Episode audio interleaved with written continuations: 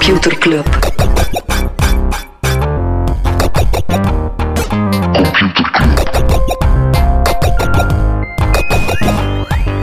Computer Club. Hey Smolly, Hey Freddy, welkom. Welkom terug. welkom. Welkom bij Computer Club, een wekelijkse podcast over technologie. Iedere aflevering selecteren Freddy en ik een eh, interessant artikel en presenteren we een feitje. We gaan het niet aan over het feit dat Smolly net bij het eh, ingaan van de recording alweer op de verkeerde knop had geduwd. Ja, maar dat- Voor elke intro zijn we slechter. Die knop staat hier zo dicht bij die andere knop. Dus ik had per ongeluk op het eh computerklas jingletje gedrukt in plaats van op record. Ja, eigenlijk zijn we de Benjamin Button van de podcast zien, waarin dat we slechter en slechter worden elke week. Yes. Gelukkig maken we dat goed door af en toe gewoon cadeaus uit te delen en op die manier jullie eh, Cadeaus. cadeaus. Ja, vorige week zijn we 200, eh, 200 episodes uit geworden. Eh, ongeveer vier jaar bezig, als je dan een klein beetje de, het aantal weken in een jaar eh, creatief inzet. Nee, groot verjaardagsfeest gedaan, een live episode opgenomen. Eh, we hebben toen eh, aan de mensen die er waren eh, al een hele coole poster mogen weggeven, die Pieter de Kegel ontworpen heeft, naar aanleiding van onze 200ste. Eh, mochten we er al weggeven, en dankzij In de Pocket ja, mogen we er in totaal 200 weggeven.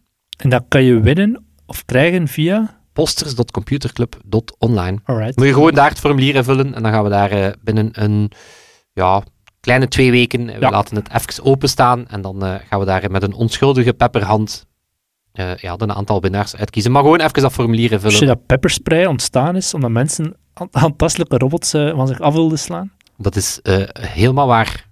Dat is niet waar, hè? We leren er heel veel bij, jawel Ja, Freddy. het zou zomaar eens kunnen. Het zou zomaar... Het had Eh, waar Oké, kunnen zijn. waarover gaan we niet bijleren? Eh, klemtoon op niet. De fiscus die kan straks je telefoniegegevens opvragen zonder tussenkomst van een onderzoeksrechter. Dat Ah, is helemaal normaal. dat, is het, eh, ja, dat is momenteel een ontwerptekst van de dataretentiewetgeving.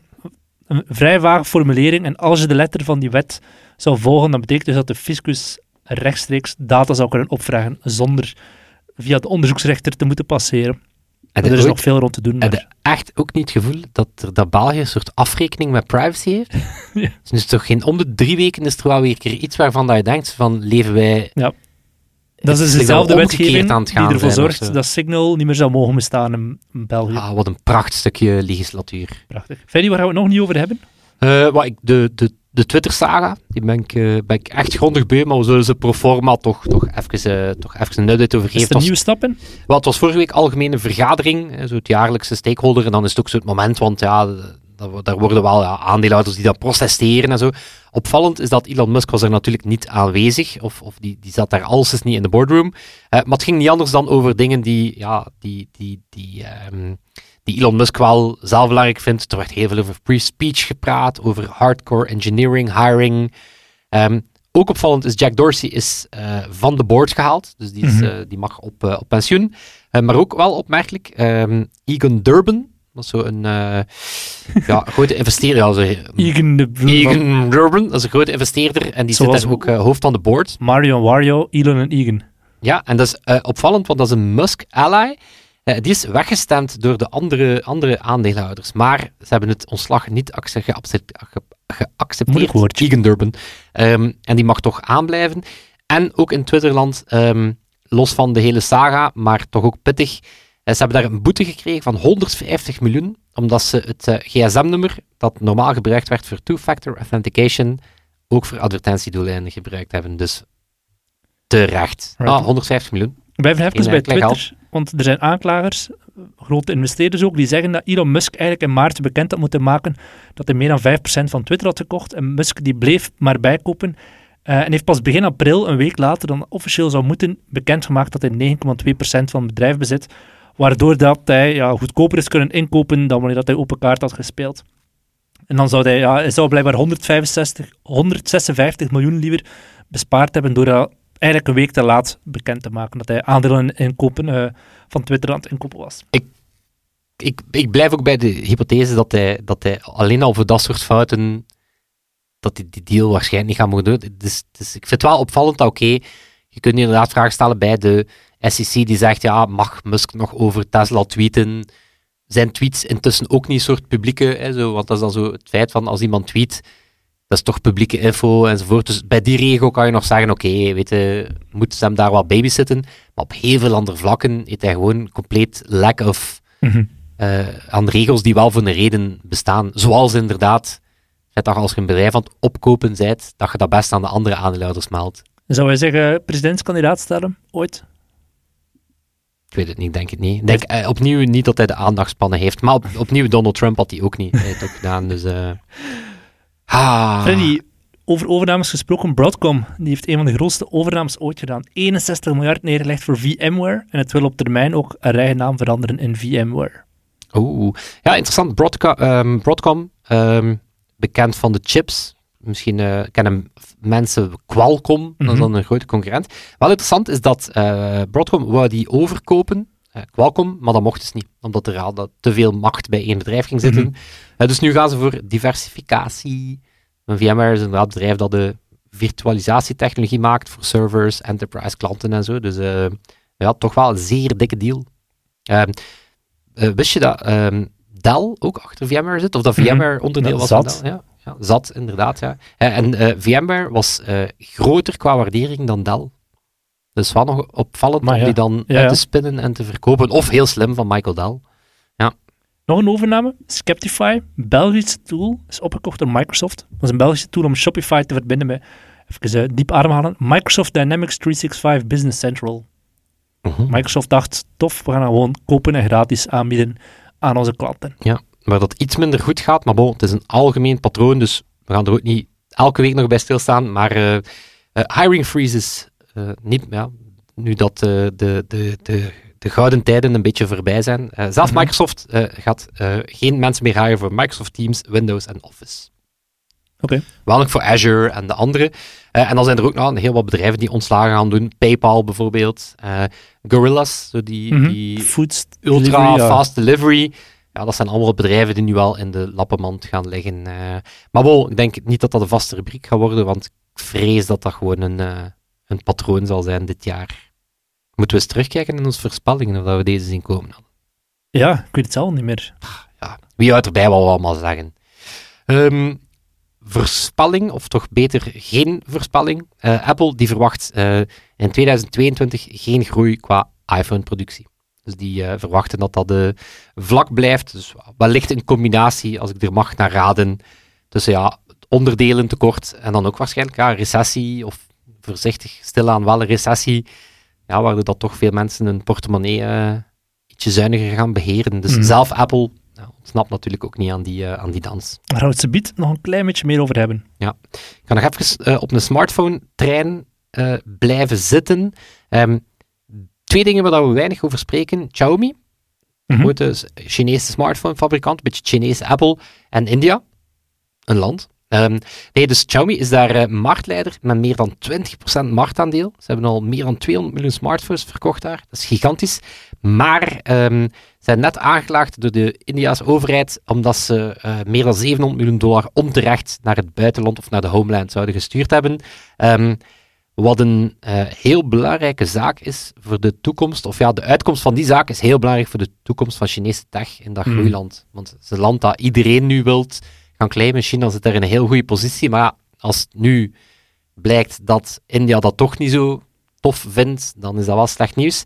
Eh, en slecht nieuws is wat ze daar niet nodig hebben. Ehm, wat wel goed nieuws was in China, is dat er toch een kleine relapse is geweest qua eh, aandelen, omdat er toch eh, bedrijven zoals Alibaba iets betere resultaten hadden geboekt dan verwacht. En vorige week hadden we het in een nieuwsbrief over de frustraties van Tencent-oprichter Pony Ma, Mhm. die het er wel stilaan beu is aan het geraken. Yes. Dus het is, eh, het is daar een, eh, het is daar, ja, een, eh, een yo-yo in China. Beetje overal eigenlijk. Nog zaken of sparen we het voor de rest van de nieuwsbrief? Ja. Nieuwsbrief.computerclub.online. Alright. Ja, voor mensen die die niet volgen, dat is elke week eigenlijk een extra stuk. Dus we pakken dan ook nog iets extra, waar dat we ook eens in gaan graven. En dan knallen we daar nog meer actueel, want ja, de techwereld staat natuurlijk nooit stil. Inderdaad. Wie dat er ook niet stilstaat is Stripe, de vierde waardevolste scale-up ter wereld, na ByteDance, Shein en SpaceX. In 2010 opgericht, vlak na de financiële crisis, door twee broers, eh, John en Patrick Collison, of Collison. Ehm, ja, de bedrijf is ondertussen 95 miljard waard, echt crazy. Die twee broers hebben elk 10% van het bedrijf. Eh, ik heb er een beetje verdiept in dat bedrijf, omdat die toch al op een kantelpunt staan. Ze hebben een enorme groei meegemaakt de voorbije elf jaar, want ze bestaan al sinds 2010, wat echt waanzin is. En ze staan nu op een kantelpunt. Er zijn 7000 werknemers bij dat bedrijf, waarvan 40% ingenieurs zijn, wat dat vrij ja, abnormaal is voor een scale-up van die grootte en van die size. Je zou verwachten dat zij voornamelijk op dit punt ja, salesmensen en customer care en zo. Nee, altijd 40% van Dat de is mensen heel die in opvallend. R&D Moest je inderdaad zo de doorsnede zien van de meeste techbedrijven, dan ga je daar veel minder engineers tegenkomen dan dat je, dan dat je Zeker op dat verwachten. hè. hè. als je met 7000 mensen bent. Het is actief in de 50 landen. En gewoon even wat cijfers opnoemen, dat die wel fenomenaal zijn. Vorig jaar, voor de mensen die Stripe niet kennen, Stripe is voornamelijk een betaalprovider. Dus als jij dingen koopt op het internet, is de kans heel groot dat er achter de schermen Stripe aan de slag is op de een of andere manier. Zo hebben ze vorig jaar 640 miljard in betalingen verwerkt. Het grootste deel komt, ja, Stripe die verdient geld door dan een zeer kleine fee te nemen. Eh, in hun geval een paar procent. Dat heeft een 12 miljard opgeleverd. En zitten met een EBITDA van honderden miljoenen. Wat dat ook weer heel atypisch is voor zo'n bedrijf. Normaal verwacht je van een scale-up dat die in deze fase, 10 jaar bestaan ze, dat die altijd verlies maken, dat die zeer zwaar gesubsidieerd worden Ja. door investeringen. Stripe die zit eigenlijk met een zeer mooie Ja. EBITDA, dus EBITDA een ruime bedrijfswinst. Echt ook opvallend, omdat Stripe, en daar ga je waarschijnlijk straks op in, geen gebrek heeft aan nieuwe dingen dat ze lanceren. Het is echt niet dat ze defensief zijn qua we blijven bij hetgeen dat we doen. Nee. Eigenlijk een tegendeel. Dat is Die inderdaad zijn enorm veel R&D aan het doen en dan toch super zotte marges aan het aanhouden. Ja. Inderdaad. En het is, wa- waarom, waarom was Stripe zo, zo cool, of waarom is Stripe zeer succesvol? Omdat ze het zeer eenvoudig hebben gemaakt om betalingen toevoegen aan je website. Helemaal in het begin, we spreken dus over tien jaar geleden, was dat niet zo makkelijk. Heel veel verschillende betaalsystemen, elk land iets anders. Stripe zei in het begin, je hebt maar net negen lijntjes code nodig om ons te implementeren. En ze zeggen van zichzelf Dat is echt altijd... wel de gouden, de, de gouden standaard qua Integratiegemak en ook qua developer documentatie, de API's die ze aanbieden, is inderdaad Ja, echt de gold, de gold standard. Je hebt, je hebt en, en de Paypals en zo, maar Stripe maakt het nog makkelijker. Er zit eigenlijk in elke grote website die je kent, zit, is de kans groot dat Stripe erachter zit. Ze zeggen van zichzelf, ja, we zijn geen glamoureuze business, we zijn gewoon een infrastructuurbedrijf en hopelijk gaan we lang blijven bestaan. Dat is zo de minst sexy sales pitch ooit.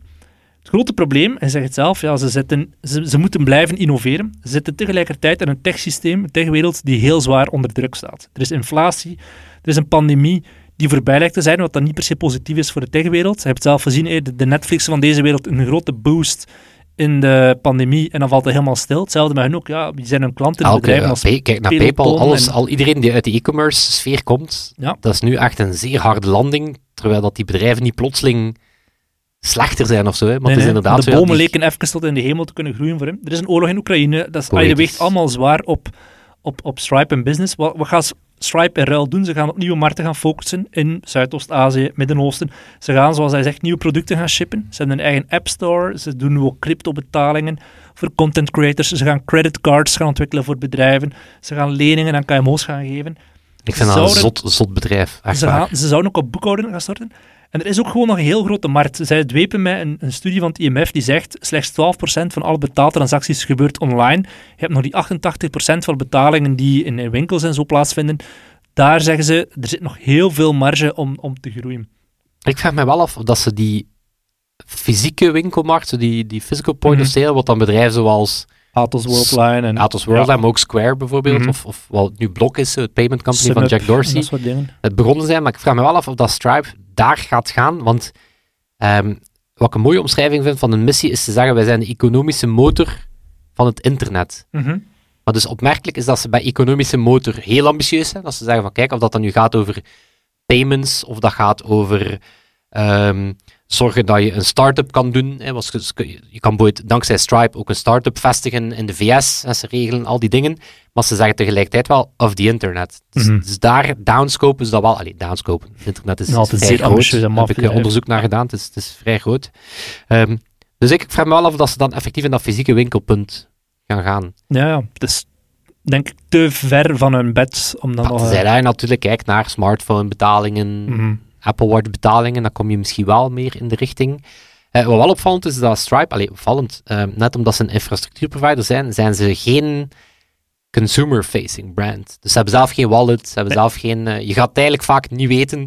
Eh, de enige manier dat je het gaat weten, is omdat je ja, gewoon op een, vaak op een heel elegante checkout pagina gaat terechtkomen. Mhm. Heel veel aandacht voor zo, ja, wat ze dan zo delight noemen in de, in de UI, of heel goede UI. Dus, ehm, Ja, en waarom zijn ze nu dus het nieuws? Enerzijds gewoon omdat niet zo makkelijk gaat voor bedrijven als Stripe, maar ook nog altijd de twijfel is, gaan ze beursgenoteerd worden, ja of nee? En het feit dat ze niet beursgenoteerd zijn op dit moment, kan eigenlijk al een beetje een voordeel zijn, omdat ze ja, anders in die hetze zitten van, je moet op korte termijn presteren. En nu kunnen ze op het gemak even kijken, oké, de crisis is gedaan, what's next voor ons?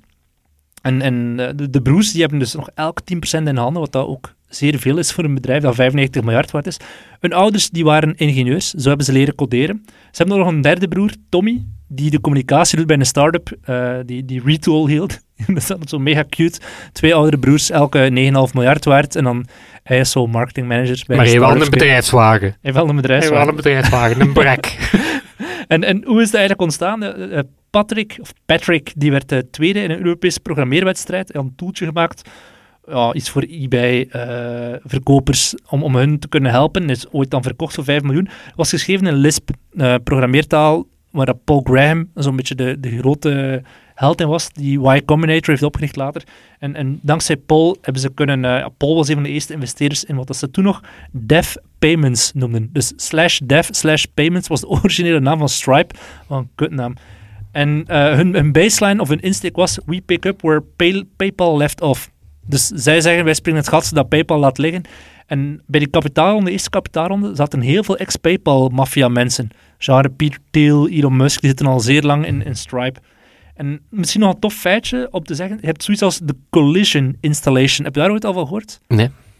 Dus na, na een, ja, als je je software gaat gaan presenteren aan een, aan een bedrijf waar je klant, allee, waarvan hij wil, die wil klant willen van ons, gebruikelijk is dat nadien een pitch deck stuurt of een deck van hey, ah, merci voor de call, uh, hier is nog wat meer informatie en hier vind je de dev informatie over dat je Stripe kan installeren. Wat die Collision Brothers doen, was allee, in, in de tijd, hè, na een pitch bij zo'n klant, meteen de laptop openen van die klant en zeggen, maak even jouw laptop om te tonen hoe dat werkt en dan meteen live daar Stripe installeren in de webplatform of whatever van die mensen dat ze kunnen zien. Maar het is echt zo makkelijk. Ja, en die broers zijn weg, maar de software staat ondertussen al geïmplementeerd op die webshop uh, of op dat webplatform van die, van die bedrijven. Dus dat is wel een coole techniek en dat is zo'n ding geworden in, binnen Y Combinator. De collision installation, het feit dat je in een pitch aan een potentiële klant gewoon de software live installeert op de laptop van die persoon tegelijkertijd ook wel wat intrusief om op die laptop ja, van die klant uh, te zitten. Maar wel, wel cool. Ja. Maar het feit ook dat ze zo hard aan het, aan het uitbreiden zijn, wordt in de fintech-wereld worden ze een beetje als de maffia gezien. Ze zijn in de fintech-wereld een beetje wat dat Facebook is in de social media-wereld. Vanaf dat er een fintech is met een tof concept of een tof idee, zegt Stripe, oké, dat willen we, we gaan dat gewoon kopiëren en die gewoon gaan, gaan wegconcurreren. Is succesvol aan het executen. Zoals dat Facebook ook stories overnam en andere features overnam. Ja. Maar Stripe maakt wel de wereld niet kapot. Dat, doen ze wel niet. Dat doen ze nog dat niet. Is wel, dat is een streepje dat ze dan uh, dat ze voor Ik weet niet hoe dat je hun naam uitspreekt. Ik, ben, ik denk niet dat het Collision is, maar ik vind het wel stoer. Collision Brothers. L-L-I-S-I-O-N. Collision? Collision. Laat ons het Collision Brothers noemen. Maar ja, ik, ben, ik sta erom... Ah, het is Collision, met, zonder I-O-N op het einde. Maar ja, zwart, ik spreek elke naam verkeerd uit in het Engels. En ook worden vaak gecorrigeerd door Weet je nog dat we heel lang Jeff Bezos hebben gezegd? Ja. Ja. Zoals de rest van de wereld. Zoals de rest van de wereld. We hebben wel we, we het beter proberen doen. En denk dat we er nu zijn. Bezos, hè? Bezos. Bezos. Jingle baby. Ja. Computerklas. Yes. Um, ik heb uh, ontdekt dat er een uh, heel interessant soort data bestaat. Um, het is geen geheim natuurlijk dat AI-systemen ja, dat die getraind worden met uh, massaal veel data. Mhm. Ehm, maar wat doe je in het geval van systemen dat je wilt trainen um, op data dat je eigenlijk nog niet hebt of dat je niet kan krijgen? Shit, heel dat, Ja, ik heb dat onlangs gehoord, zo'n woord daarvoor. Ja, synthetische data. Oké, okay, nee, is uh, ja. ja. misschien bestaat er nog een zotter woord voor, maar bij, ik, ik, gebruik er twee. Synthetische data, nee, dus ik heb ontdekt... Um, dat er bedrijven bestaan die vals data genereren puur om AI-modellen te trainen. Ik zal een aantal um, voorbeelden geven. Dus uh, in dat geval, dus, uh, ik zeg maar iets, stel dat je iets wilt trainen op facial detection, maar je -hmm. wilt uh, beter omgaan met racial bias. je wil zorgen dat je, dat je de etnische diversiteit meepakt in je fotodataset. Ja, dan zijn er bedrijven die ja, met van die computeravatars massaal veel unique humans genereren, waarop dat je dan je Face ID ook kan trainen op mensen met een andere huidskleur of mensen met een ander gelaat.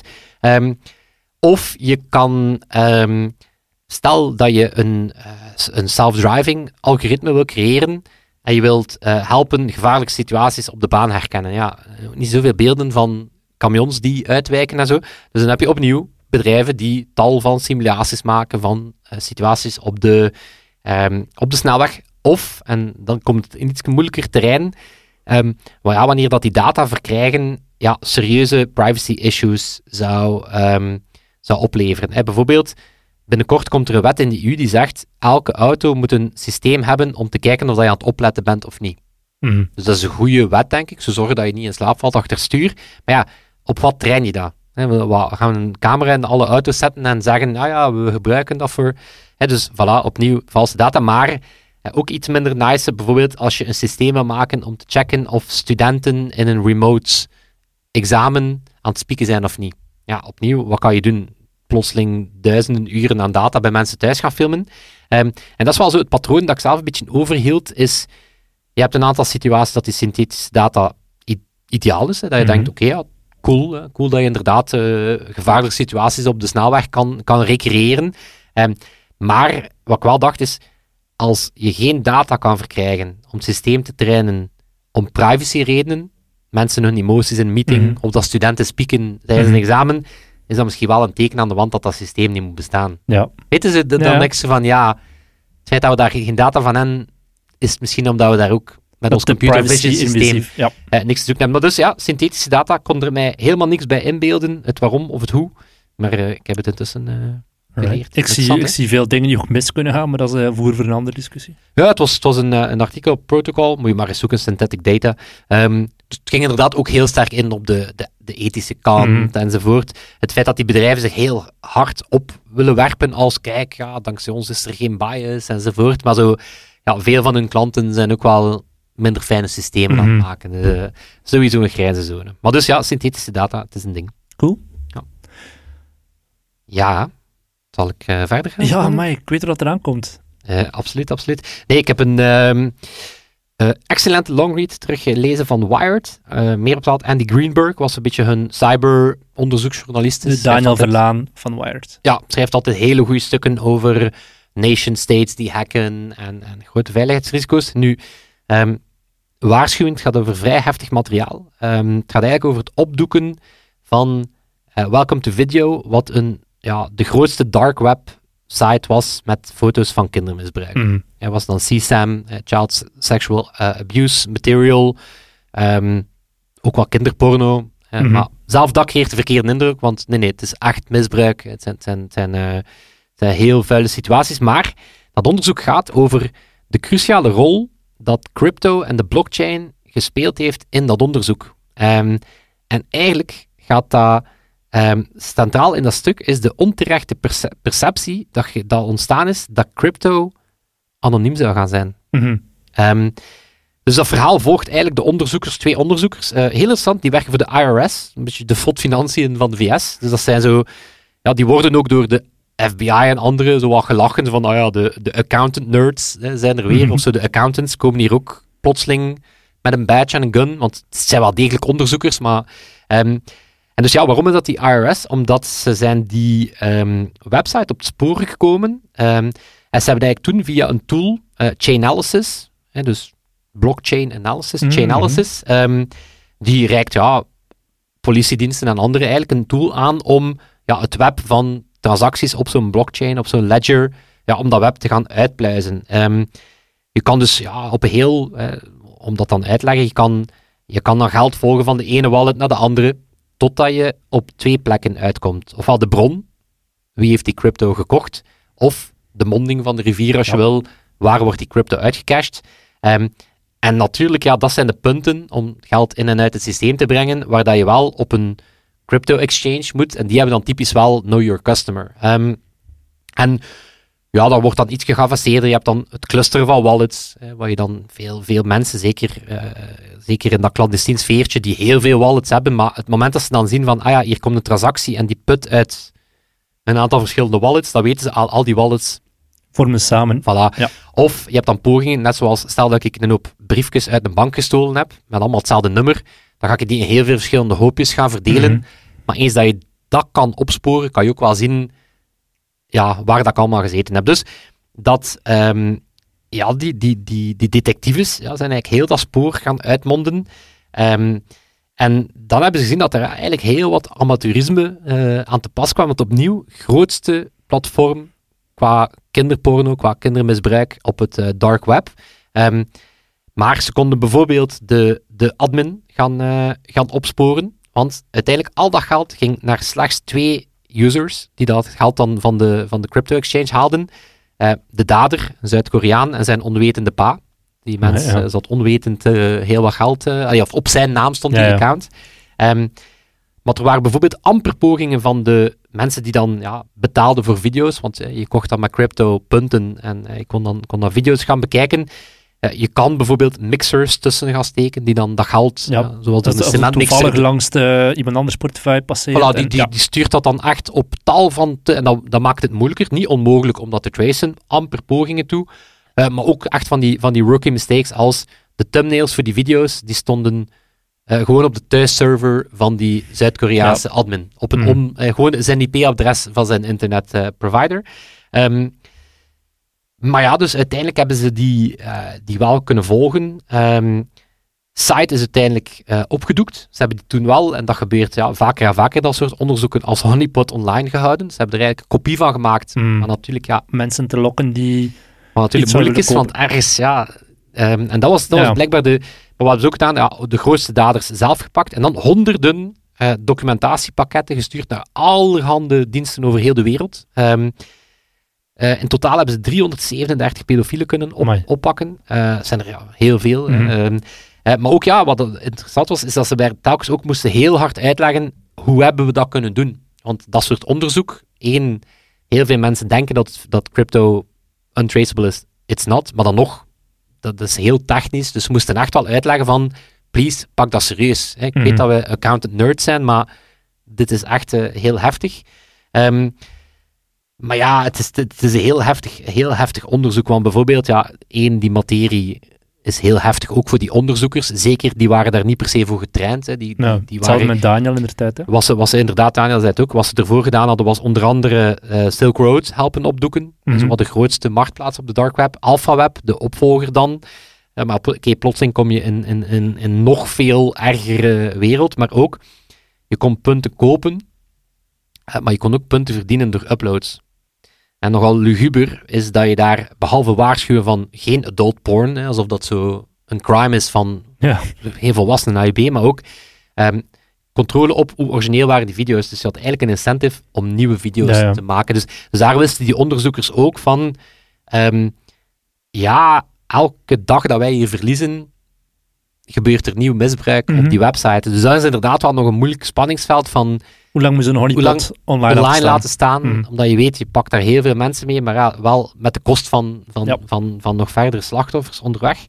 Ehm, dus ja, het is, het is, het is heel, ehm, ja, heel, heel interessant stuk. Ik zal het in de show notes eh, linken, of in onze nieuwsbrief uh, op onze website zal ik het linken. Ehm, wel interessant om nog twee uitsmijters, één, eh, één iets serieuzer en dan één leukere, om zover dat iets leuk kan zijn in deze context.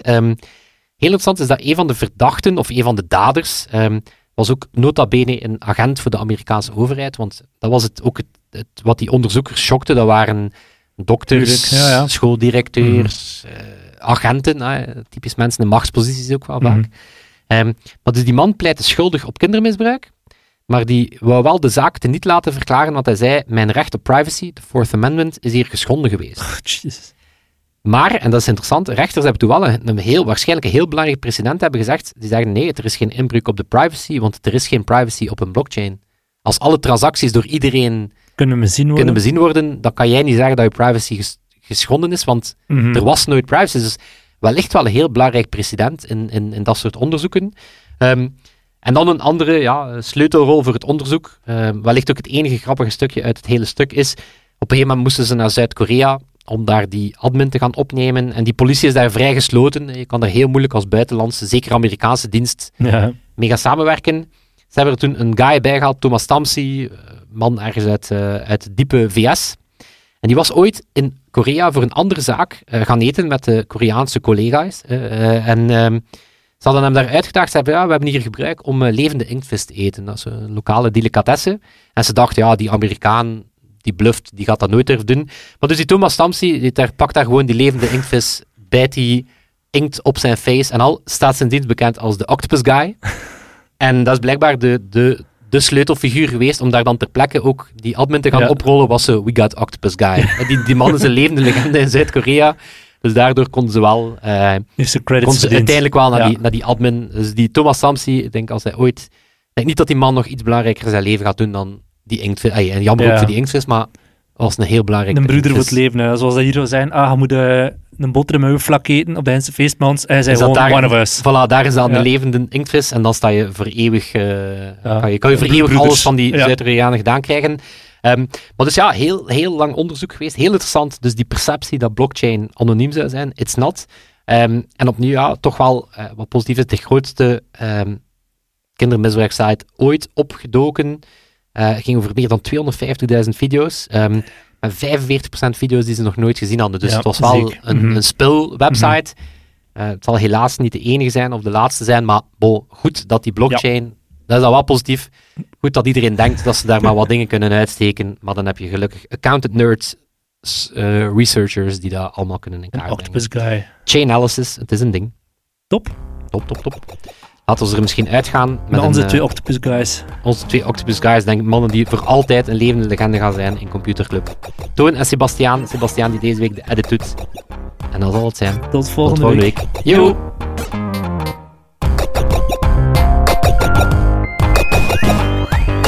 Computer Computer Club.